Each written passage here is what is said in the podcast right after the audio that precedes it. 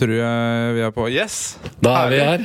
Hjertelig velkommen til historiens første episode av eh, Gatelagspodden. Jeg heter Selim og jobber i Fotballstiftelsen. Og dette her eh, skal være vår egen lille podkast der vi skal kose oss. Det er en podkast av gatelagene, for gatelagene, som vi liker å kalle det. Så ja, vi har ikke noen uh, ambisjoner om at dette her uh, kommer til å nå ut til mange millioner mennesker. Men hvis det i hvert fall når ut til spillerne, lagene og de som bryr seg om gatelagene, så er vi egentlig fornøyd. Og vi måtte jo uh, Vi skal ha gjester til hver episode. Det blir episoder der vi skal prate om fotball, livet, ta opp ulike temaer.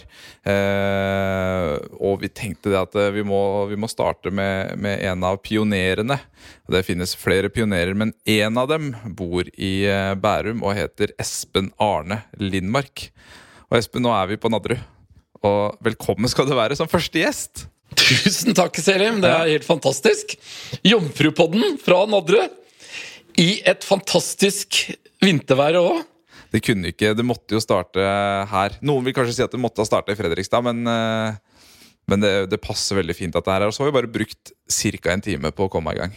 Det er helt, eh, helt nydelig. Men eh, teknik, teknikken, vet du, vidunderlige verden der, den er, eh, den er, jo mangfoldig og, og rik, så det, det, er sånn det skal være. Og så har jo Fredrikstad vært først i mye, så nå var det jo litt artig at vi kunne flytte førsten til Nadderud. Ja. Det syns jeg er deilig. Ja, det synes Jeg fordi en av, en av de tingene Jeg tror ikke Lars Petter blir seg lei seg for det. da Nei, jeg tror ikke det. Han, han skal få muligheten seinere. Uh, en av de tingene som jeg hadde tenkt å spørre deg om det er jo I disse dager så går jo Idretten skaper sjanseserien på TV2.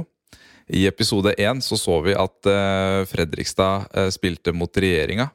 Og så satt jeg hjemme og så tenkte jeg fy søren, jeg lurer på om Espen tenker dette her kunne vært oss. For dere var faktisk i den finalen den gangen da det skulle avgjøres hvem som skulle møte regjeringa. Og tapte vel på overtid der, gjorde dere ikke det? Jo, det var vel til og med kanskje etter ekstraomganger og noen sånn eh, golden goal-greier. Men jeg har ikke tenkt mye på at det kunne vært uh, oss. Det kan hende hvis du spør noen av gutta, at de kanskje har tenkt at det kunne vært uh, oss.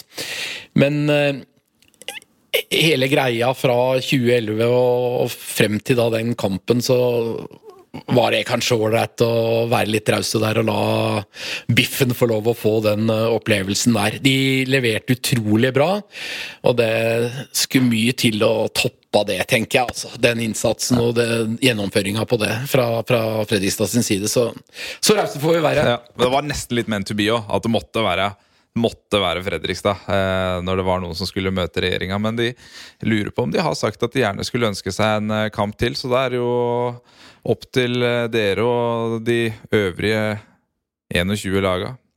Eh, og se om vi kan ta Fredrikstad. Fredrikstad som er et eh, veldig godt gatelag. Men i dag skal vi bli bedre kjent med deg, Espen.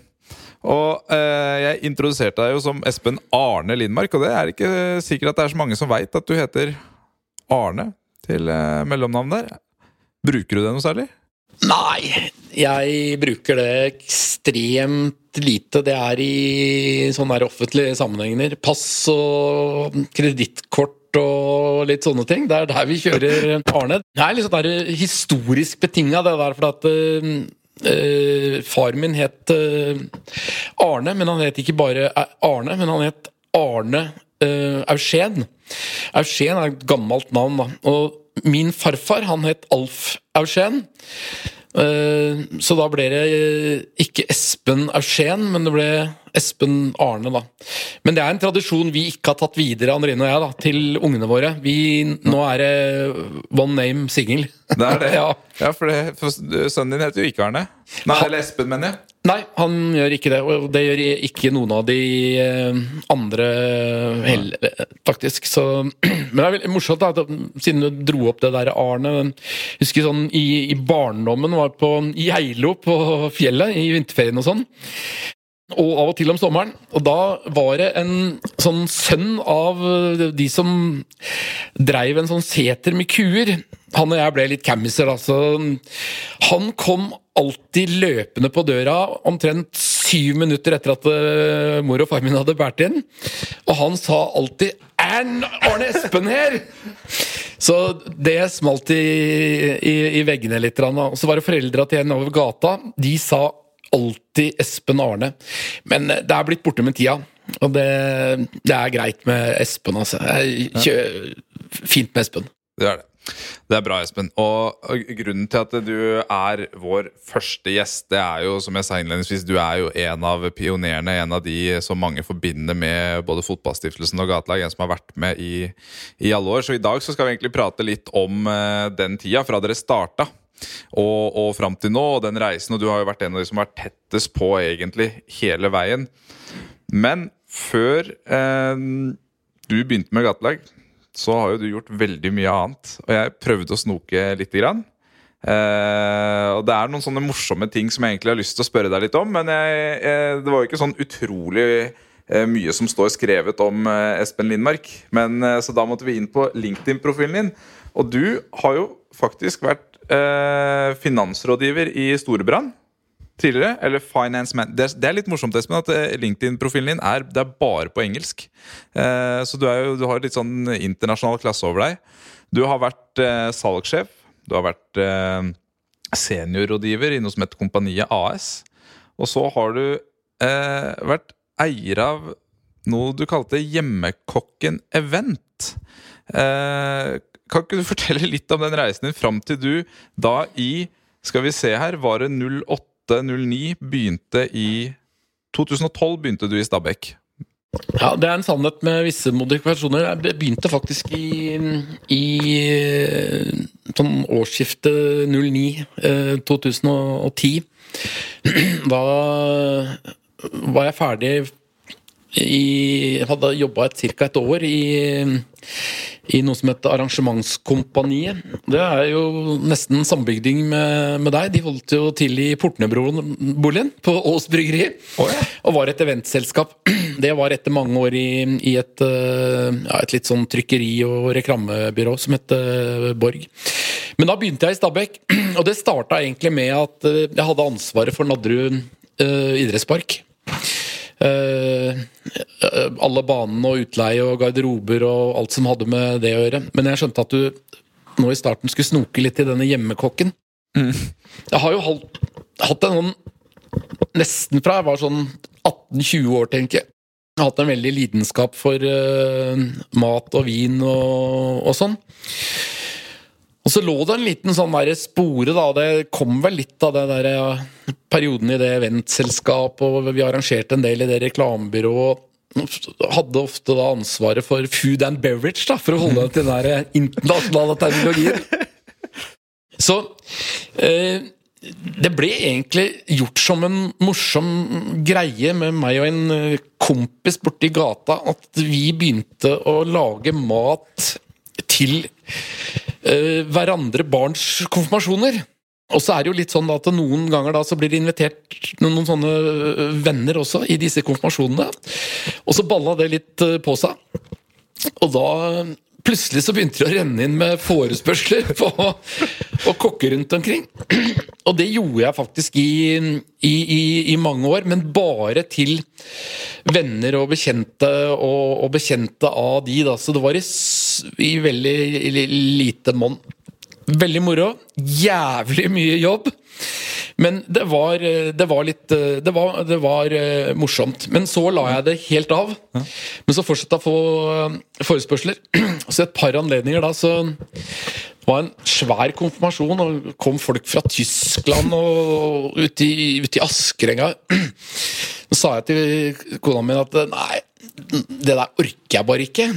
Uh, men de er jo så jævla gode venner, de der som er part i denne konfirmasjonen. Så hvordan skal vi gjøre dette her? Og da hadde jeg lært meg da, etter mange år i, i næringslivet at uh, her er det én måte at dette ikke blir noe av på. Det er å bare prise det grisehøyt. Og da ble vi enige med jorda og prisa leveransen grisehøyt. Sendte av gårde. To minutter etterpå. Ja, det er greit, vi tar den. Og da, da var det på'n igjen. Men på den annen side da så var det kanskje verdt det. Men etter det så har det vært, uh, vært dødt. Da har vi ikke gjort noe med det. Men hva gjorde du? Altså, Leverte du catering?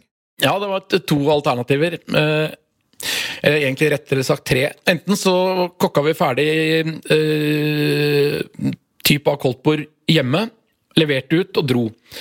Eller så kunne du stå for hele greia, gjorde det ute, sto og prata med gjestene og fortalte hva de spiste. Eh, og så var det hadde vi noen få sånn tre- og fireretters middager. da. Det var jo den største painen, å kjøre treretters middag på ulike kjøkkener hjemme hos eh, folk, da, hvor ikke du kjente ting og ikke visste hvor ting var. Og, så det var egentlig Ja, det var en nightmare, altså. Men, Men moro. men lagde du maten? Lagde maten. Lagde all maten fra, fra, fra bunnen av, som Morten Nyborg, eh, Fredrikstads store mann, hater meg. Han eh, mobber meg noe jævlig hver gang jeg sier jeg regner med det er fra bunnen, Lindmark. sier han. Ja. vi lagde alt fra, fra bunnen av. Men vi hadde gode leverandører på råvarer, og det er jo et must da, når du skal eh, lage god mat. Men eh, du har jo ikke noe bakgrunn sånn som eh, kokk? Eller? Nei. S øh, Selvlært og selvlest og bygd erfaring. Hadde, har en mor som vært veldig glad i og flink til å lage mat, og, og holdt på med det uh, ja, helt til uh, de, de siste åra. Nå blir hun 96 til, til sommeren, så nå, nå blir hun servert. Det er konge. Veldig bra. Vet du, da har vi, Allerede der har vi egentlig lært noe nytt. Jeg har alltid tenkt at du er litt sånn eh, feinschmecker, Espen. Og det kan jo hende det er fordi at du holder til på Stabekk og, og, og alt dette her. Men uh, at du var uh, no, det, er, det er jo ikke hobbykokk engang, da. ikke sant? Fordi at da har du jo levd der, så har du vært litt uh, kokk. og Det kler deg jo. Jeg ser, jeg ser jo for meg, egentlig. Så det er jo helt rått. Men eh, derfra men hva, ja, men hva er bakgrunnen din, egentlig? Ja, sånn skolemessig. Ja. så, er det, så er det jo mm, eh, godt øh, handelsskole og markedsføring og bankakademi. Og, så det er jo økonomi og, og, og markedsføring som har vært retningen min, da. Starta jo i bank som purung gutt. Og, og, og jobba der jeg, til og med når jeg dro i mil- militæret. Og gikk i bankakademi, som det het den gangen. Det, flere avdelinger der. Det var jo en, en retning den gangen, det også. Så har jo hatt lange perioder i mange jobber, men så ble det da etter det der lange oppholdet i grafisk bransje og reklamebyrå, så ble det vel litt sånn at du skal finne ut Endelig kanskje fant ut uh, hva du skal bli når du blir stor, da. Og det er jo kanskje da at Fy fader. Plutselig så var det liksom at du skulle jobbe i en eh, fotballklubb. For det har jo på en måte vært lidenskapen fra man nesten ble født, da. Veldig glad i sport og idrett, og, og kanskje aller, aller meste øh, øh, fotball, da. Så Men du har fortalt meg at øh, det har vært perioder i ditt liv der eh, Og bare, vi må bare understreke at Espen elsker Stabæk, men det har vært perioder i Espens liv der han holdt litt med noen andre blå. Kan du fortelle litt om det? Fordi det er jo de samme blå som jeg heier på, om jeg ikke tar helt feil. Ja, det var jo en periode hvor hvor Stabæk var eh, hva skal vi si, litt lenger nede i, i uh, divisjonene. altså sånn På begynnelsen av 70-tallet så spilte vi var vi jo nesten på snutt til å, å gå opp og spisse litt sånn kirsebær med de store. Vi hadde jo en fantastisk kvartfinale mot uh, Jeg skjønner at det er den retninga der du vil, mot godset her i, på, tidlig på 70-tallet. Med, med, når du ser ut av vinduet, så ser du bjerketrærne på andre sida her, eh, Selim. altså 10 000 tilskuere på Nadderud. Fantastisk kamp. Vi hadde benker rundt på indre bane og, og sånn. Men så tok den eh, hva skal vi si, den reisen med Stabæk Den gikk jo da liksom ikke fra annen opp eh, på øverste nivå. Den røysa ned gjennom eh, seriesystemet. Det var en periode vi var nede i femtedivisjon. Og da var vi jo sugne på å, å se litt toppfotball. Og da fikk jeg en kamerat. Han flytta inn uh, rett borti gata. Han, han spilte i Ros, så Røyken og Spikkestad. Og han holdt selvfølgelig med godset. Uh, så han introduserte meg vel litt litt gleden rundt der. Og så hadde far min tilgang gjennom både engasjement i, i, i fotballen og, og hockeyen og sånn. Så, så, jeg var på utrolig mange cupfinaler som ung gutt. Uansett hvem som spilte. Og da fikk jeg vel en liten sånn der Hadde en sånn liten skapgodsemann i meg, da. Og var glad i det stjernelaget til godset med brødrene Pettersen og Alsaker Nøstdal og ja, og alle disse her. Så, men, men jeg har nok vært, alltid vært Stabæk sånn innerst inne eh, hele, hele, veien. Sleit jo noen år i, i svingen på Bislett bare for å få sett toppfotball, da. Ja. Men eh, i det øyeblikket at vi tar jo full Stabæk hele tida, altså Stabæk Jets-perioden og, og, tilbake igjen og så Ingebrigt og far min stå og grine utpå her etter at uh, opprykket var klart mot uh, Strindheim uh, på en nedslitt stadion. Og så har jeg alltid vært mellomblå og blå. Ja. Eller blå og mørkeblå, som vi sier.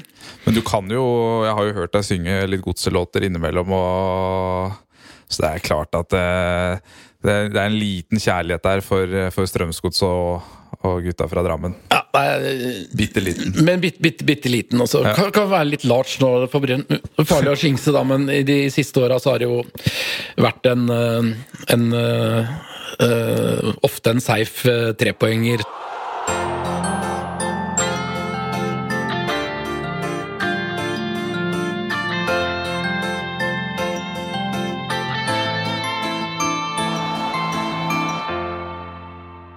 Altså Din egen fotballkarriere er jeg litt interessert i. fordi vi kommer, vi, Etter beveger vi oss inn mot uh, nåtiden og, og, eventyret med gatelag. Og jeg, eh, jeg har vært med i sirkuset i noen år nå. Eh, har stort sett sett de aller fleste trenerne med, med ball. Eh, Espen Lindmark har jeg kun et bilde av fra en eh, litt sånn showkamp her, med bl.a. Eh, Bent Høie. Og, og, der hvor du også var med og spilte. Det, noen, det, finnes noen bilder der det ser ut som at du har en fantastisk nærteknikk, men eh, aldri liksom sett deg sånn i action. Altså, så jeg er litt spent på fotballspilleren Espen Lindmark. Spilte opp til junior i, eh, i, eh, i Stabæk og var akkurat sånn ikke god nok til å, komme videre. Ble for mye mm, ansvar for å holde benken nede. Både på Jarmyra og på, på plassen, altså gamle grusbanen på, på Stabekk. Så da så da mm, bytta jeg til noen naboklubber og spilte for moro skyld sammen med kamerater. Og den kampen med Bent Høie, det var i i Sandefjord. Det er jo eneste gangen jeg har hatt på meg en, noe som kan kalles en landslagsdrakt. Det var jo morsomt. Det var jo nesten farligere å spille med Bent enn mot, men eh, for en mann. Så det var klasse. Han uh, takla vel han uh, dommeren òg, husker jeg. Bent. Det? Ja, ja. Så, ja. Men det var en morsom uh, match. Det var jo Fikk jo, ble jo intervjua av var vel Biffen eller noe etterpå. Det er jo historisk. Så Nei, det, det ble aldri noe sånn kjempe fotballkarriere. Men jeg har vært trener i veldig mange år. Og ja vel jeg har vært sånn ganske god på å, å lage og å bygge team, da. Og det er jo mye av det som er viktig med det vi holder på med i dag, da. Mm. Og så kommer vi til eh, 2011. Vi eh, har en eh, gründer i eh, Fredrikstad som heter Morten Nyborg, som etter hvert eh, får etablert et eh, gatelag der. Og tenker at søren, dette her må, må, vi utfordre andre på. Jeg har lest noen saker tidligere når du sier at vi ble utfordra av, av Morten den gangen. Men kan du ikke fortelle litt om uh, den prosessen rundt det, og litt hva du egentlig tenkte om hva dette her var for noe? For det er klart, Noe av grunnen til at jeg drar opp uh, den LinkedIn-profilen din, er at det, det, står jo ingen steder der at du har noe som helst erfaring med målgruppa vi jobber med, eller har vært Altså, Du har ikke vært i nærheten av å jobbe med den målgruppa. Det gjelder jo de fleste av oss. Så hva var dine liksom, første tanker når du skulle inn i dette? Det hadde nok aldri blitt noe gatelag i Stabekk hvis ikke det hadde vært for Morten Nyborg. Han kjente jo jeg, for hvis jeg hadde sittet i juniorstyret her i Stabekk sammen før han flytta til, til Fredrikstad, så han, vi kjente hverandre sånn litt godt. Og så var det jo noen politikere som både var i hvert fall Morten Skauge, da, som var jo også litt inn mot rikspolitikken allerede da, og Siv Wikan, som nå er varaordfører. Morten var litt i kontakt med, med de. de. Mildt sagt så har jo det partiet der Høyre vært i posisjon i, i Bærum i veldig mange år. Men de, altså nasjonalt så var de jo i opposisjon. Så når vi da hadde et møte da, med Morten Nyborg og Skauge og Vikan ute i Bærum kommune, hvor det var med folk fra Rio, og det var noen fra administrasjonen innenfor dette området. Og det ble bygd en sånn utrolig trygghet for at dette her eh, skal vi få til sammen, da. Så er det jo riktig som du sier, jeg hadde jo ingen erfaring med dette her. Jeg var jo jævlig skeptisk, eh, mildt sagt. Har jo hatt noen kamerater og noen i nabomiljøet opp igjennom som har drevet ganske uh, tøft på. Et par gamle sånne barneskolekompiser som etter hvert ikke ble sånn i nære vennegjengen, men visste jo godt hvem de var, som, som gikk bort. Uh, selvfølgelig altfor tidlig pga. dette greiene. Så det var jo en sånn enormt iboende ja, sånn, Litt sånn ærefrykt, da, hva man skulle uh, kaste seg ut i. Men uh, begynte jo etter hvert å, å, å tenke, så, så, hadde vi jo Jon, Jon Knutsen. Hadde jo stått i mål i, i, i uh, Stabekk. Uh, var jo engasjert i en periode i, i gatelaget i Fredrikstad. Så i den prosessen så reiste vi hit og var med på en konferanse. Da var jo Johanna Andresen nå der nede og holdt et innlegg. Og det er jo som Morten sier, at det hadde ikke vært for Johanne i starten der, den, så hadde det jo aldri antageligvis blitt noe gatelag. Så det han gjorde da, og, og på en måte øh, sånn ja, hva skal vi si, ytrings- og verbaltmessig da, øh, heia på dette her, så, så hadde det nok ikke blitt noe. Men var nede der, prata med Jon og prata med en del av de rundt laget den gangen. da. Dere dro ned til Fredrikstad? Ja, vi dro ned til Og da var jo Siv Wikan var med, og en som uh, eh, jobba i kommunen innenfor uh, rusomsorgen, var med. Og, og vi dundra ned der og var på en hel dags uh, si, konferanse. Og fikk jo se noen videosnutter fra, fra den spede begynnelsen i, i Fredrikstad. Og det var vel et eller annet da med noe av det Hva skal vi si Det derre glimt i øyet og gleden fra disse utøverne da, som, som, gjorde noe med meg at det, dette her kunne vært spennende å ta tak i. Og så fikk man liksom på en måte se hva det, se hva det ble til. Og så hadde man en, en, en klubbpresident i Espen Moe som syntes at dette var eh, Uh, kunne være spennende å få til i, i, Bærum. Og så heiv vi oss rundt nesten over natta og søkte Helsedirektoratet, og, og, da var vi på en måte i gang. Kommunen ga gode garantier, både i innsats og alt. Og, ja, så Men uh, da hadde uh, Fredrikstad holdt på et års tid, kanskje, da dere var der? Og, ja, dette var jo høsten 2012. Ja. Og vi ble jo anbefalt, egentlig, når vi, vi, søkte jo da Vi visste ikke om vi ville få penger, men kommunen eh, bidro jo sånn at vi kunne planlegge for oppstart da, eh, i 2012. Eh, og så ble vi egentlig anbefalt av eh, Fredrikstad at det egentlig ikke var så smart eh, å starte opp rett inn før en sommer.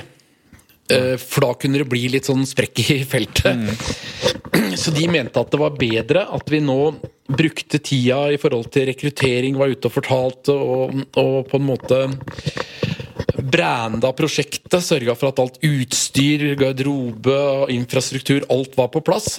Og så starta vi, brant vi da i gang eh, i august 20, 2013. Og det det var nok uh, lurt. Da var alt uh, på, på, plass. Hvordan var det? Hvordan var den første dagen?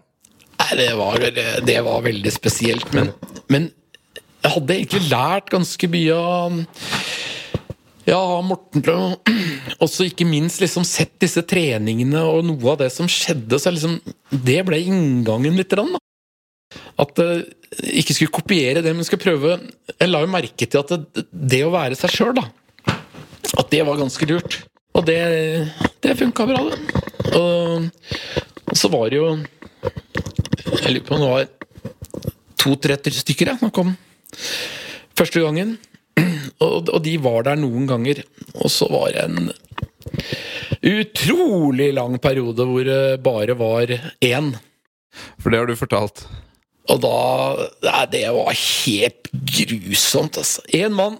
Men Espen og Espen, og da har ikke Espen Moe, klubbpresidenten, altså, men da har Espen Granlien, assistenttreneren av jeg, det var jo vi som drev dette på feltet. Uansett vær så holdt vi på med han ene. Jeg hadde sikkert 150 telefoner til Nyborg og sa at dette her Dette er ikke noe problem i Bærum. Vi må bare droppe dette. Og han sa de kommer, de kommer, de kommer. Og det hadde han jo rett i, da. Til slutt så en periode så var vi en kjempefin stamme på fire-fem stykker. De var der alltid, med mindre de var uh, noe, noe, helt spesielt. Og så kom det noen uh, slengere, som vi kaller det. uh, litt av og på. Men en veldig fin, fin stamme over, over tid.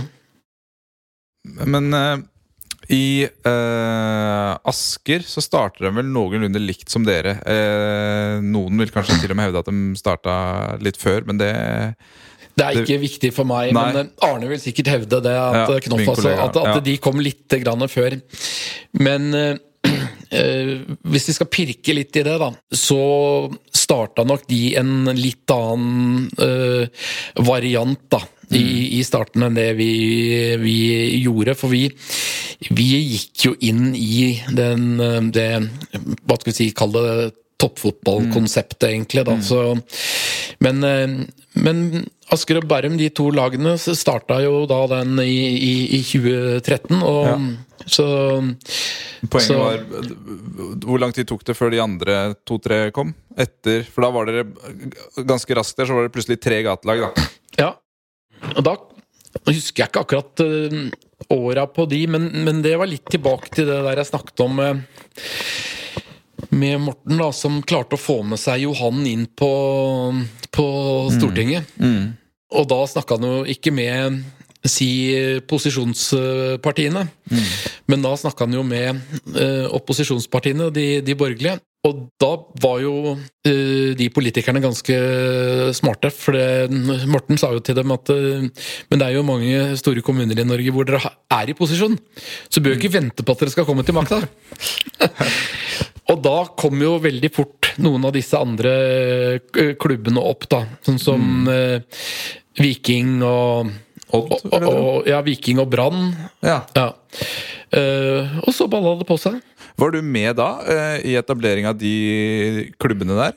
Ja, det er jeg lite grann uh, Jeg skal ikke ta på meg noe, noe ære på, på, på, det, altså. Jeg tror Morten var nok veldig involvert i, i oppstarten av en del av de eh, ja. klubbene der. Og så ble jeg jo mer involvert når vi etter hvert etablerte de sju klubbene.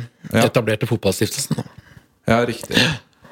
Fordi det er egentlig litt um, uh, den veien vi skal. Fordi uh, Fotballstiftelsen ser jo dagens lys i 2015.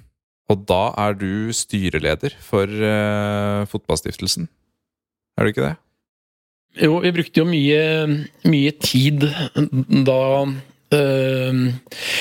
Uh, hun kalte det forrige, forrige Hege i, i Brann. Mm. Uh, og Morten og, og, jeg, både med si eh, NTF og med noen advokatselskaper om hva og hvordan vi skulle gjøre det. Så da var jeg styreleder og, i den første tida der. Men hvorfor? altså hva var bakgrunnen for at vi da gikk sammen og lagde denne stiftelsen? Det var jo eh, fordi at eh, i starten der så søkte jo alle klubbene uh, hver, hver, for seg. Mm. Men så sammen med Helsedirektoratet så lodda vi litt stemningen på og, og sett om man kunne gjøre noe felles innenfor toppfotballen. da. Mm. Og, og det syns de Hvis vi klarte å få til en bra rigg på det, så var det lurt. Og så den gangen, da, så ville ikke NTF uh, ha det som et uh, bein, da. Mm. Men pengene ble kanalisert inn til norsk toppfotball, og ut via klubbene. Så det var et eh, tett samarbeid i forhold til eh, lover og regler og, og, og regnskap og, og litt sånn før vi etablerte Fotballstiftelsen. Og så ble jo alt flytta over dit, da. Ja, riktig. Det, må, det er en ting vi ikke må glemme, for nå har vi nevnt eh, Johan Andresen noen ganger. Og jeg hørte, hørte en podkast med han, eh, jeg tror det var E24-podkasten, der han blir stilt spørsmålet. Eh, åpenbart spørsmål, egentlig. da, Hva er det som er din beste investering? Men svaret var ikke like åpenbart. Men svaret var jo da Nei, jeg investerte penger i det første gatelaget i Fredrikstad. Og det det har gitt av avkastning, bare, altså det kunne vi bare drømme om. Og det er, eh, og det er litt gøy. For det, det spørsmålet tipper jeg at Johan får en del. Og hver gang så tipper jeg også at han svarer at det er gatelaget. Så det er jo en av våre aller, aller eh, fremste ambassadører også. Absolutt. Og det, det må vi på rett måte eh, bruke for det det er verdt. Han har, eh, han har mange kontakter og mange følgere og har, eh, ja, som jeg sa, sånn verbalt og ytringsmessig gjort en og gjør en fantastisk jobb for, for gatelagene i, i, i Norge. Vi hadde han jo inne på som foredragsholder på en partnertreff i Stabekk. Og det resulterte at eh, det var noen partnere i Stabæk som uh, våkna, annet en uh, flott fyr som heter Henrik Mathisen, som starta på Dreiv Han solgte seg ut nå, da. Smartfish. Smartfish. Som var partner i Stabæk, som trengte en sjåfør. Og det var kanskje ikke sånn helt gitt at det var en haug av sjåfører i, i gatelaget til Stabæk, men vi hadde en bra fyr, vi, som Uh, hadde masse sertifikater, var uh, rustfri. Kjørte en del for Askeladden her i, i, i Sandvika. Og kobla de to sammen, og der uh, jobber han den, den dag i, i, i, dag. Og det var jo første vi fikk ut i, i jobb, og det er jo ja, det begynner å bli ganske mange år. Begynner å bli en del. Ja. Vi har blitt gode på det, faktisk. Ja, det er helt fantastisk. Ja. Ja. I, I fjor så hadde vi 52 spillere som fant uh, veien helt eller delvis ut i, i jobb. Et uh, koronaår der hvor mange egentlig er arbeidsledige. Der leverte jo gatelagene som aldri før. Så det er jo, vi har jo vist nå år på år at det, det å liksom formidle mennesker over i arbeid eller skole, det, det er vi litt gode på. Jeg tror jo, du må gjerne um, Litt spent på å høre om du deler liksom den oppfattelsen, men jeg tror uh, nettopp det altså jeg tror fotballen har en helt unik mu mulighet til å egentlig bygge selvfølelse hos en person. Og så tror jeg veldig på, og det sier vi ofte når vi er ute og eh, presenterer, at vi tror litt at aktivitet avler aktivitet. da. At det gir deg troa på deg sjøl. Og jeg tror det at det, når du bygger opp din fysiske kondis, så bygger du opp også arbeidskondisen din og litt troa på at fy søren, jeg kan gjøre dette her. jeg. Uh, og det er, jeg tror det er mye av grunnen. Så, så er vi selvfølgelig kjempeheldige med at vi har utrolig mange fine partnere. Men jeg tror uh, jobben gjøres jo først og fremst på matta. Det er der vi bygger opp den enkelte. Ja, det er, det er helt, helt, helt rett, Selim. Og det, og det er liksom Altså idrettens magi, da, i dette tilfellet da, fotballens magi, da, det, det, tror jeg klarer å løfte frem evner hos folk. da. Og det er liksom søke tilbake til kanskje noe man har opplevd før. Da. Det er jo veldig mange som en eller annen gang i eh, hva skal vi si, din ungdom har en eller annen nudge mot fotball. Da. Det mm. var liksom sånn Når du begynte på skolen og starta, så, så, kom du innom fotball. Det var ikke alle som fortsatte. Men ja, jeg tror folk tenker tilbake på den der, litt det å være en del av noe større enn seg sjøl, være team, den der garderobegreia.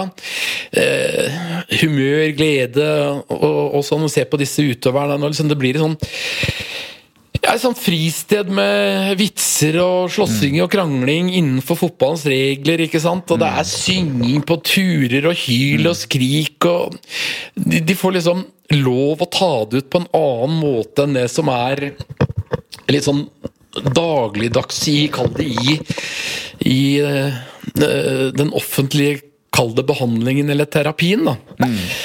Og så tror jeg det at det er rundt omkring i klubbene, da. Du ser jo hva slags typer det er. Det må være mennesker som brenner for dette her, behandler det med respekt og ser mennesket bak. Og, og så, da blir det en arena for mestring, da, som du er inne på. Mm.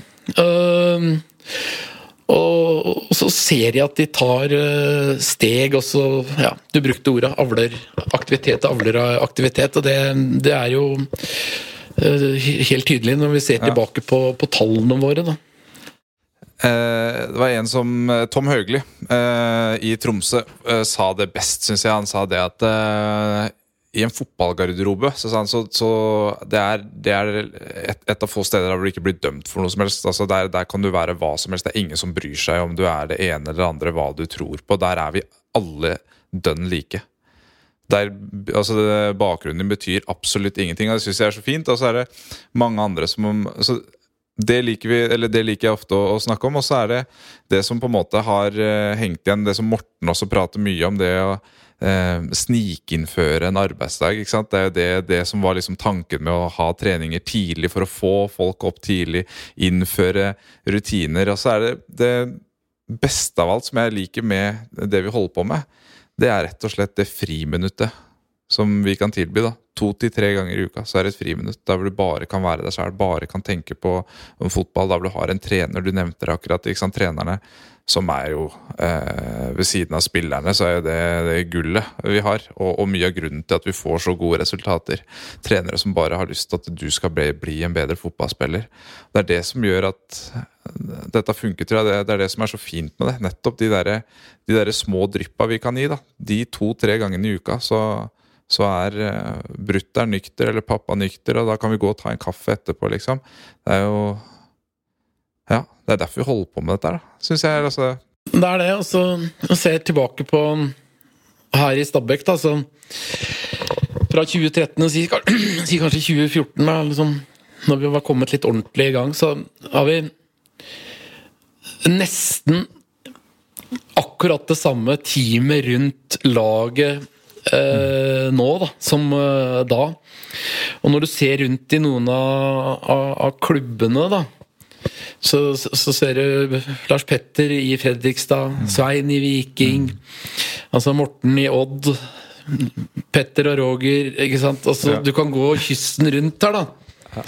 Er det, samme? Eh, det er de samme folka, og da, da, da, sier det noe om at de, de brenner for dette her. da. Mm. Og her i Stabæk så har vi kanskje hatt fire daglige ledere uh, i løpet av disse åra med gatelag.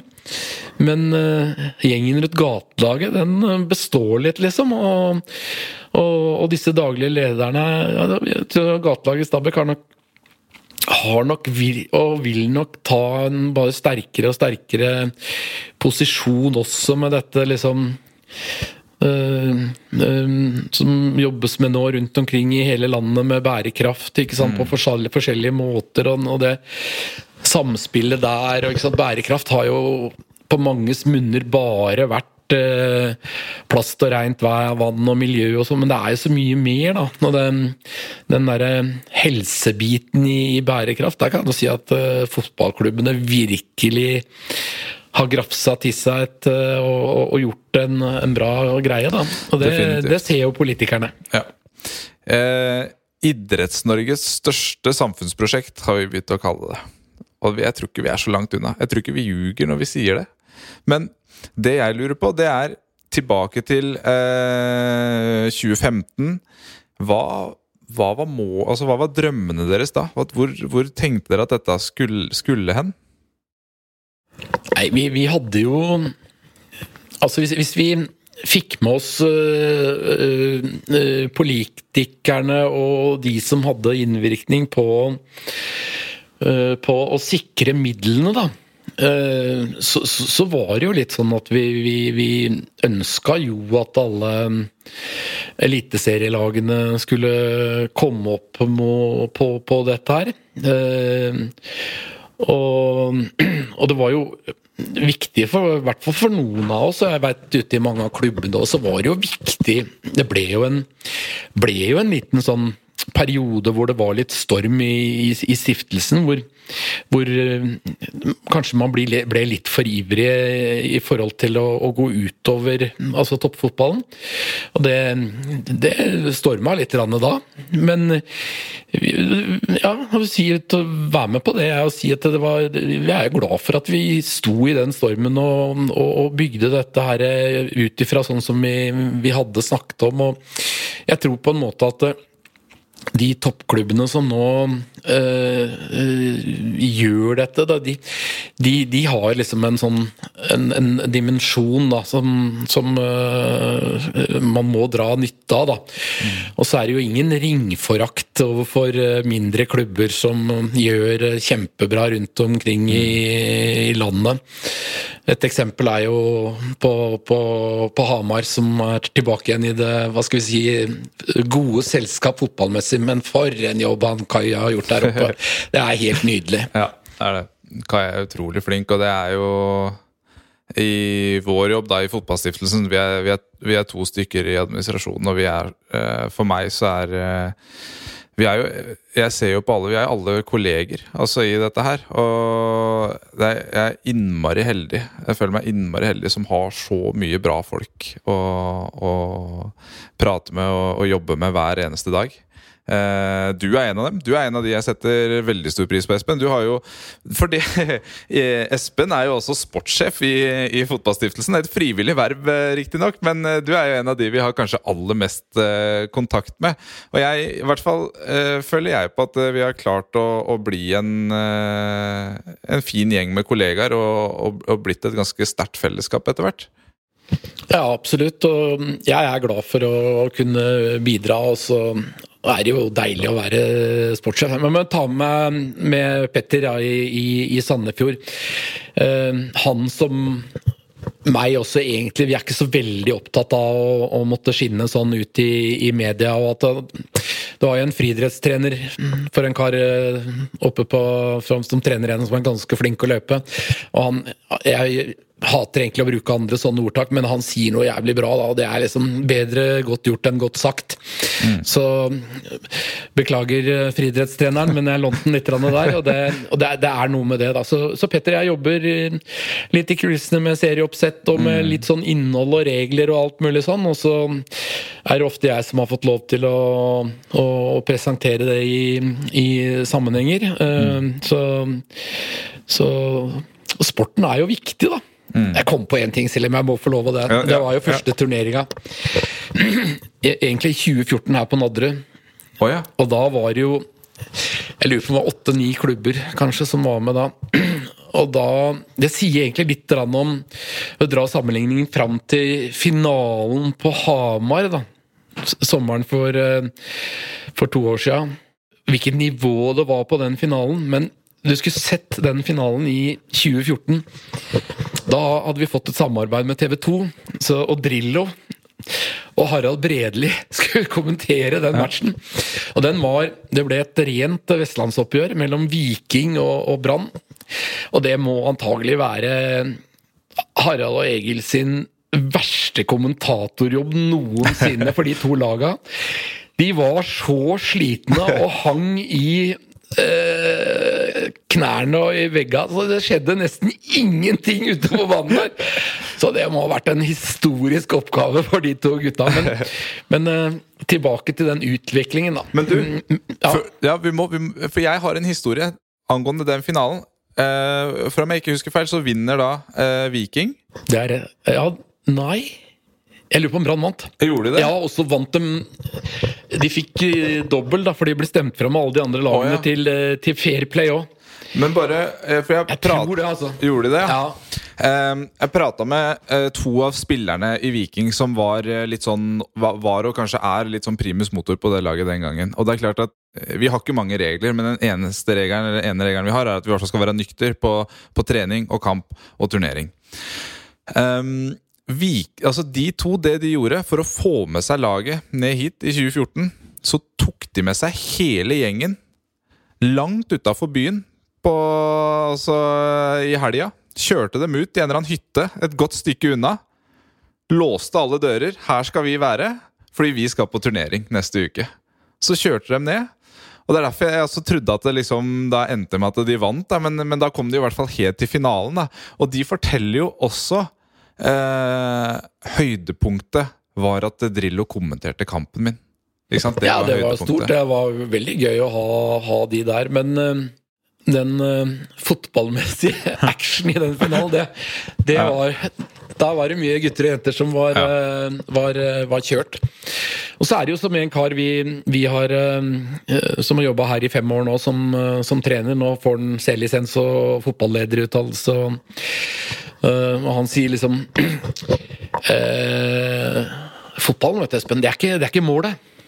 Men det er middelet, vet du, sier han. Mm. Og det er jo helt riktig. Altså, ja. Hvis man evner å se det og bruke det, så mm. er det mange som kan ta step og, og tar stek, da. Mm. Hva er det som har overraska deg mest, da? Gjennom også alle de åra. Du har snart holdt på med dette i ti år. Det må vi jo uh, også si. Gatelaget til Fredrikstad er ti år i år. Det er... Ja, det er fantastisk. Ja. Mm. Og Lars Petter har vel vært med Nesten hele tida ja, også, faktisk. Ja. Mm. ja. En av Ja. Nei, hva som har overraska meg mest? Jo, det er, ja, det, det er, litt det av det vi har pratet om, egentlig. da. At mm. Eh, helt utrolig hvilke step uh, gutter og jenter kan uh, ta, da. Mm. Ved hjelp av noe så enkelt som uh, fotballen. da. Mm. Og så tror jeg disse nasjonale turneringene også har vært veldig viktige. da. Husker jo to-tre år siden, var det på Lillestrøm eller noe, kanskje var vi var nesten 300 mennesker. Hotellsjefen liksom spurte hvor, hvor mange ledere har du med. Nei, altså så Nei, jeg vet ikke 20 stykker, kanskje? Så. 20 stykker! Og så reiser du derfra, og så får du bare beskjed om at det er helt uh, strøkent og mindre utfordringer og problemer enn det å ha um, store næringslivsbedrifter på julebordsamlinger. Det er jo helt nydelig. Ja, ja, og det, er, eh, det har vi hørt seinere. Og englebarn er noe som har kalt oss. Jeg vet ikke det, om det, men altså, det er, altså, uansett hvor vi har vært, så har vi fått utrolig gode tilbakemeldinger. Uh, og det, det, er helt sikkert, sånn som du sier, da, det, det, det er jo en skikkelig gulrot. De to dagene når du er på tur med laget, overnatting, bankett, hele pakka. Uh, da, da når, du har klart, også, når du har klart å komme deg så langt at du har blitt tatt ut, og du sitter på den bussen, da tror jeg man er, er så glad for å være med at man oppfører seg. Alt jeg på si, og det har jo ikke vært noe, noe utfordring. Og så når vi snakker om nasjonal turnering, da, så, så, skulle vi ha hatt tidenes nasjonale turnering i fjor, i, i, Tromsø. Og det var faktisk sånn at eh, vi hadde akkurat fått ordna eh, Nærmest chartra et helt fly. Altså det, vi hadde omtrent alle flysetene på et Norwegian-fly opp til Tromsø. Og den hadde gått igjennom, og så går eh, landet i lockdown. Og resten er jo egentlig historie. Så jeg hadde tenkt å spørre deg om hvordan det året, og egentlig fram til nå, har vært for dere. Det er klart det var uh, Tromsø var jo en uh, gulrot uh, langt utover masse flott man har vært med på. så det var jo en liten nedtur, men jeg må jo berømme gruppa, altså får jeg si gutta, for akkurat nå så har vi bare gutter her. hvordan de forsto det med en gang at sånn måtte det være. Og hvordan de gjennom dette året her har stått i det og vært flinke. Bank i bordet, ingen smitte. Vi har holdt i gang uh, når vi ikke har fått lov å trene, de få gangene vi ikke har fått lov til det. Skryte av kommunen som har dytta oss inn under sånne særlige vilkår og sårbare grupper. Og, og, og, fantastisk at vi har fått til det. Men, men, eh, det har jo gjort når vi har vært på matrunder og alt mulig sånn, så vi føler nesten at vi er enda tettere på og fått et mye sterkere forhold. Det har liksom blitt én gjeng. Vi har en flott gruppe nå. Vi, vi, har aldri vært så mange på trening stabilt over så lang tid som nå. Så vi, nå, nå er det sånn liksom man begynner kanskje å se et eller annet lys fram inn i tunnelen der. Og, og, og, nå har vi stått i dette her, så det er, det er, liksom, det er en sånn sitrende spenning nå til å kunne få spille mot Sandefjord Sandefjord, Asker og Fredrikstad igjen. Da. Men tror sportssjefen at vi får, får det til i året? Ja, det vil jo være helt håpløst av meg, som er glad i dette her, å si at det, nei, det tror jeg ikke noe på. Jeg tror det, og jeg håper det, og jeg ønsker av hele mitt hjerte for alle disse her eh, flotte utøverne og den jobben som gjøres i klubbene, at vi kan begynne å spille noen uh, fotballkamper i løpet av dette året. Det, det må jeg si. Uh, ja, det unner jeg dem. Ja, det definitivt. Og det Vi har jo Jeg veit at eh, du har jo planer om, eh, om seriespill på Østlandet etter hvert. Og det finnes planer eh, både på Vestlandet og på Sørlandet om å få til noe. Så vi ønsker jo veldig, veldig gjerne det. Og så er vi superheldige, så kan det hende at vi kan møtes over noe turnering også mot slutten av året. Men ja, Det gjenstår jo å se. da. Det har, vært, eh, det har, vært, tøft. Men det er som du sier, utrolig imponert over den jobben alle klubbene har gjort, og spillerne ikke minst. Fordi det har vi sett, at spillerne også er jo utrolig flinke nå til å backe hverandre opp. ikke sant? Jeg ser eh, Vi er, er, så heldige at vi kan være med på en del Facebook-grupper, interne grupper. Og aktiviteten der gikk jo opp 200 ikke sant? Når folk eh, bare måtte være hjemme, og man backer hverandre hele veien og finner på mye konkurranser. Dere har jo hatt Eh, dere har jo en fantastisk trener i Johannes som har kjørt litt sånn online-treninger eh, ved siden av at dere har vært rundt. Så det har vært spennende og vært veldig lærerikt også. Ja, det er fra, fra styrketrening i kjellerne hos Johannes live på Facebook til uh, sjøørretfiske hos uh, Petter og Roger i Sandefjord til fotballgolf ute på Lier. Og, nei, nei, man er jo blitt kreative uh, og løsningsorienterte. Vi har gått til innkjøp av litt sånne profesjonelle fotballtennisnett. Uh, så det gjør jo kanskje at når når hverdagen eh, kommer igjen, da. At vi faktisk eh, eh, kan variere treningene enda litt mer. Kanskje man kjører to treninger i uka da, altså istedenfor å bytte ut fotballtrening av onsdag, så kanskje man kan dra til Sandefjord en torsdag eller fredag og fiske sjøørret med, med, Olsen. Det er jo nydelig, det. For da har man lært seg at det går an å gjøre gøye aktiviteter ved, ved siden av. Og så får vi jo håpe, da, selv om at disse Uh, vet jeg ikke hvor utøverne ligger i denne én-til-åtte-køen. Men nå fikk jo faktisk undertegnet en tekstmelding fra kommunen i går om at nå ble alle Nå skulle alle vaksineres. Men jeg så gikk inn og så på den linken, da. Så hvis ikke det er noe helt spesielt, så så, så jeg det at jeg var i uh, pulje åtte. Ja. Så det, da er du liksom ikke inne i Nations League engang. vi, vi får vente litt. Jeg tror du, ja. Men, men, det kan jo hende at det kanskje det kunne være en, en greie for, for uh, fotballstiftelsen å, å, følge opp, kanskje. Og så hvor står eh, utøverne våre i, i hvilken kø er de, liksom? Hvis det er noe kø, da. Nei, men vet du hva, Det er egentlig litt interessant at du sier det. Nå, nå durer det litt i veggen her, så jeg håper ikke at det, eh, kommer med. Hvis ikke så er ikke det så veldig farlig. Traktor som starter opp her, det. Det er eh, snart helg, så at det durer litt, det, det, det skjønner vi. Eh, faktisk, Espen, i, i, Haugesund så forteller de det at målgruppa vår er, kommer til å være prioritert. Um, Og så har ikke vi funnet ut enda om det er eh, spesielt for, for, Haugesund, eller om det er spesielt for eh, altså Rogaland. Men, eh, men, det er ikke utenkelig det at en del av spillerne våre er en prioritert gruppe. Og det, det har altså, Selvfølgelig har det å gjøre med at ofte, eller noen Jeg tror at mennesker med rusrelaterte utfordringer, mange har også i kombinasjon en del underliggende ikke sant, sykdommer også.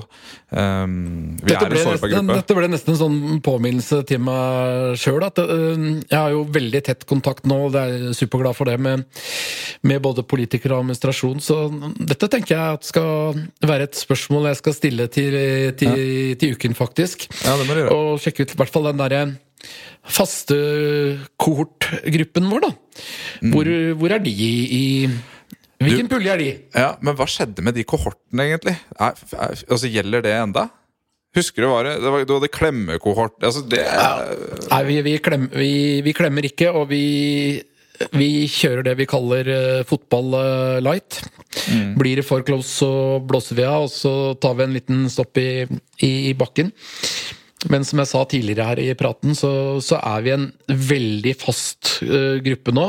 Mm. Og vi tar litt sånn muntlige checkouter på de, hvem de møter imellom onsdag, mandag, mellom mandag og onsdag. Og, og de har meldt seg sjøl i karantene. og var en som besøkte noe familie i Sverige langt tilbake i tid. Og sendte melding og fortalte at nå må jeg være i, i karantene i ti dager. Og de kommer med munnbind uh, fra, fra, bussen, og de er nøye. Og du står klar med den feberpistolen, gjør du ikke det? Ja, nå nå er vi jo mye ute, og da, da er det litt sånn der eh, klimakrise på den der greia der. Men, men, vi er veldig nøye på at hvis ikke de følger seg i form, mm. så får de holde seg hjemme litt. Mm. Nei, men det er, eh, det er bra. Vi veit også at eh, de aller, aller, alle våre lag er superopptatt av å ivareta altså alle, alle mulige eh, smittevernsregler. Og vi mm, har også flere lag. altså Dere er jo et av dem som har fått unntak, sånn at de kan trene. Fordi at ja, politikere, kommuneoverleger, forstår at det er viktigere, det. Å holde aktiviteten vår i gang. Så det er vi utrolig glad for, og vi håper selvfølgelig at vi snart kommer i gang. Det gjør vi jo. Um, jeg vet ikke hvor lenge vi har holdt på en gang, men jeg syns dette her var uh, brukbart. Var det ikke det? Til å være uh, Og praten går jo lett, da. Ja. Når det sitter to stykker og prater om og, og med noe de er, uh, er, er, glad i og, og opptatt av. Så jeg tenker dette er en superbra inngang på, på helga. Jeg har jo en morsom historie, hvis det er lov. Da. Ja, men det, vet du hva, det må jeg få lov til å si. Espen kom forberedt. Det er, eh, han, har, han har noen eh, punkter, så jeg er jo veldig spent på om vi har kommet gjennom.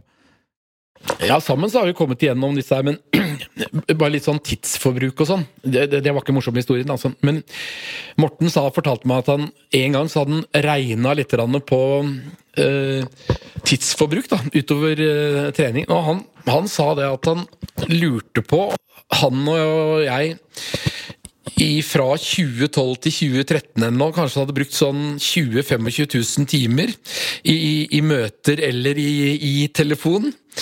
Det er jo, det er jo spinnvilt. Det er helt sinnssykt. Men eh, det, det, viser litt om ja. når det drar seg i gang og engasjementet er der, da, så går det mye tid. da.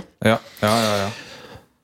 Men den morsomme historien, da, og det er jo ikke for å eh, nå har vi jo prata utrolig mye flott om gruppa og alt mulig, men litt det der med, med bussen og gøy og den gjengen vi jobber med. Altså, hadde jeg jo en historisk busstur fra fra, Sk fra Scandic eh, ned på Fornebu opp her i 2014. Og da satt jeg på til venstre på et sete, altså i, i dobbeltsetet til venstre for meg, så satt det to karer. da. Og han, han ene han hadde en sånn quiz-app på telefonen sin. Uh, og så dreiv han og, og, og trøkka og, og holdt på med den. altså han var jo tidlig på morgenen, dette, så han var jo litt sløv. Og så leste han liksom det var jo, Alle var jo trøtte da på morgenen. Så leste han alle spørsmåla høyt. Men det var ikke alltid at han følte at han eh, kanskje fikk så jævla god drahjelp av han der naboen. eller kanskje heller ikke ville det, for han var trygg sjøl, da. Men så kom det et spørsmål, da. Og da var spørsmålet som følger, da. Det var uh, uh, Hva heter uh, barna til rognkjeksen? Og så tenkte jeg fy faen, det var jævlig vanskelig spørsmål. Men så var det jo sånn multiple choice, da.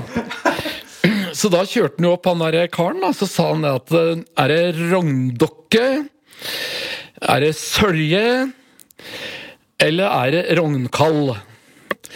Og så tenkte jeg fy faen, det, var, det gjorde jo ikke jævlig lettere, det, men, men, jeg utelukka jo kanskje i hvert fall én av dem. da. Men han derre kameraten, han sa Sølje. Søye. Det er Søye, han. Og han der som satt med trykkeren, da, han sa nei, nei, nei. Jeg tar rogndokke, jeg, sa han. Og så trykka han. Og så var det riktig, da, med rogndokke. Og så snudde han seg til han kameraten og sa han Søye? Det er sau, det. Jævlig dårlig til å svømme, sa Men ikke sant? Og den gleden der, og vi, vi lo alle sammen. Jeg tenkte faen, jeg, jeg beit meg i armen, ikke sant? Men, men de to gutta lo! Ja, og det er jo litt den, den humoren i det, da. Når han ble klar over at Søye, det var, det var faen meg sau, det. Men det er en legendarisk historie, da. Det. Men, men bare tenk deg liksom at den gjengen der sitter og gjør en quiz på morgenen på vei til fotballen. Mm. Det, da er det mye i den gjengen. Du vet at uh, det morsomste det, det, absolutt morsomste vi kan gjøre, som, uh, vi som jobber i, i, så, så sentralt, da, det er uh, For det er av og til altså Mye av jobben vår Espen, det går på å skrive søknader, rapportere, booke oss inn i møter med, med, med sant, fortelle om hva vi gjør. Men, og det kan, du, det kan, bli litt kjedelig. Og da er det sånn at det ordentlig klør etter å komme seg ut. Da, og det er ingenting som er bedre enn å egentlig litt det jeg sa i stad. Å komme meg inn i, i gatelagsgarderoben. Komme meg inn i den fotballgarderoben. Eh, den skiller seg ikke ut fra noen andre garderober. Er det, men, men det, det, vi er bedre på enn andre fotballag, tror jeg, det er uh, humor og Og så er det jo det er gutter og jenter som har levd et liv, så det er mye, mye historier der, og veldig mye som er morsomt. Så det, jeg tror jeg aldri ler så mye som når jeg er, er ute blant uh, spillerne. Nei, og det, det, er jo det som gjør at man uh, står i det, da. Det er jo alt det gøye som skjer, og, og ikke minst når vi får det til med folk da, som, som ja. ønsker og vil og tar steg og, ja. og, og klarer det. det. det. er supert. Det er ingenting som er morsommere det når vi får altså, de, de, suksesshistoriene som kommer i løpet av et år, og vi kan ringe hverandre og, eller fortelle om det og dele, og nå er, nå er den personen Han kom inn da og da og har hatt en fantastisk reise, og nå er han ute. Samtidig så er det jo er er, det, er det, veldig vondt på de som får tilbakefall, de som går på noen smeller. Eh, men der er vi også flinke til å huke folk inn igjen og ønsker dem velkommen tilbake. Men vi blir jo veldig investert i, i, i, i flokken vår, da. Han blir det. Og, men det er jo Jeg tenker jo også det er Det sier jo ganske mye om dette, da. Folk som kanskje har vært her over tid, blir borte av ulike øh, årsaker.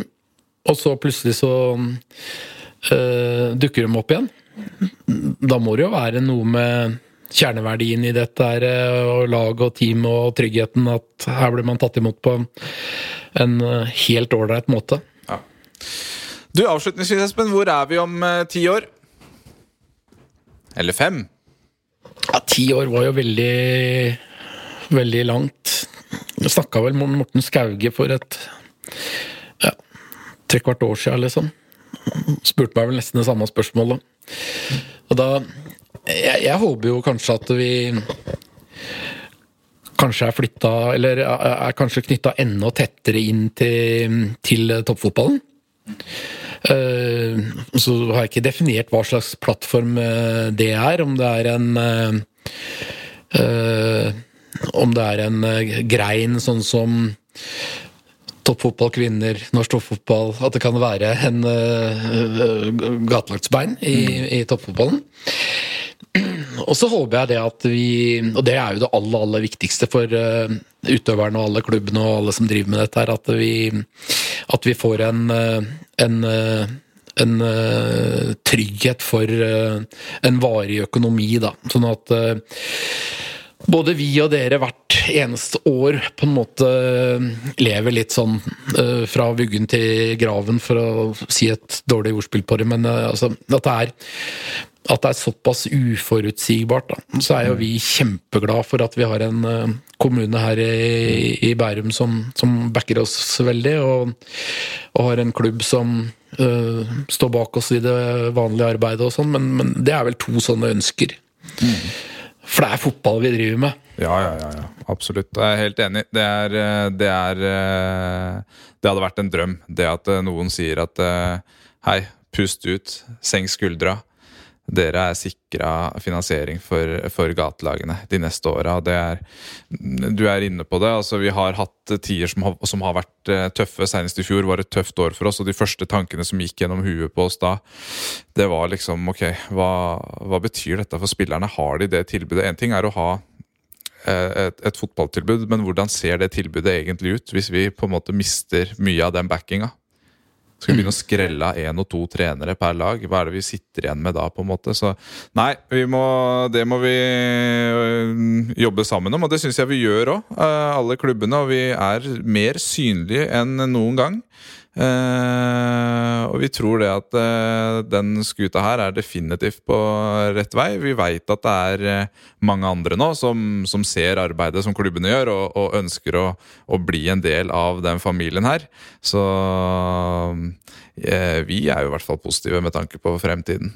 Ja, og så liksom, til slutt også det tilfeldige treffet mellom På sosialen mellom Lars Kobro og meg, og, og, han lurte på om Sitter han der bare og skryter og ljuger, liksom? Og så fant han ut at han hadde lyst til å gjøre noe mer ut av dette. Disse får håpe nå at den søknaden vi, vi legger inn øh, nå, at øh, vi eh, Forskningsrådet applauderer, og at vi, vi får det. det jeg, jeg, tenker at en, en, litt større og bredere forskningsrapport nå på litt mer enn eh, flott de fire klubbene sist, jeg tror det kan være alfa og omega, både i forhold til uh, politikken og ikke minst kanskje finne en eller to eller tre litt sånne gode, store næringslivsaktører som, som sier at uh, hør, hør, nå Dette skal vi være med på, for dette er, er eh,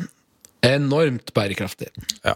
Det er helt sant. Og Lars Gobro, som du nevnte, da, som er i Universitetet i Sørøst-Norge, eller leder for CESAM, som er den gruppa han driver. Dere har jo da, Du sitter jo i den styringsgruppa nå, Espen, som, sammen med noen spillere også. Og eh, vi er da oppe i ti kommuner nå som eh, da sender en søknad inn til Forskningsrådet på en stor nasjonal søknad, som bygger videre på eh, søk, rapporten fra 2018 Mm. Med Oslofjordfondet og mm. Den som da fikk eh, navnet eh, Gatelagene. verdens beste ettervern. Ja. Spørsmålstegn. Burde vært utropstegn. Skal vi Ja. Da, men da, vet du hva, det, da sier vi bare vel blåst. Eh, jeg har ingen peiling over hvor lenge vi har holdt på. Håper eh, du som eh, hører på, fortsatt hører på. Eh, og så høres vi igjen om eh, ikke så altfor lenge, forhåpentligvis. Tusen takk, Espen, og god helg. Tusen takk for at jeg fikk lov å bli den første. Det er eh, Det var bare hyggelig. Hei da!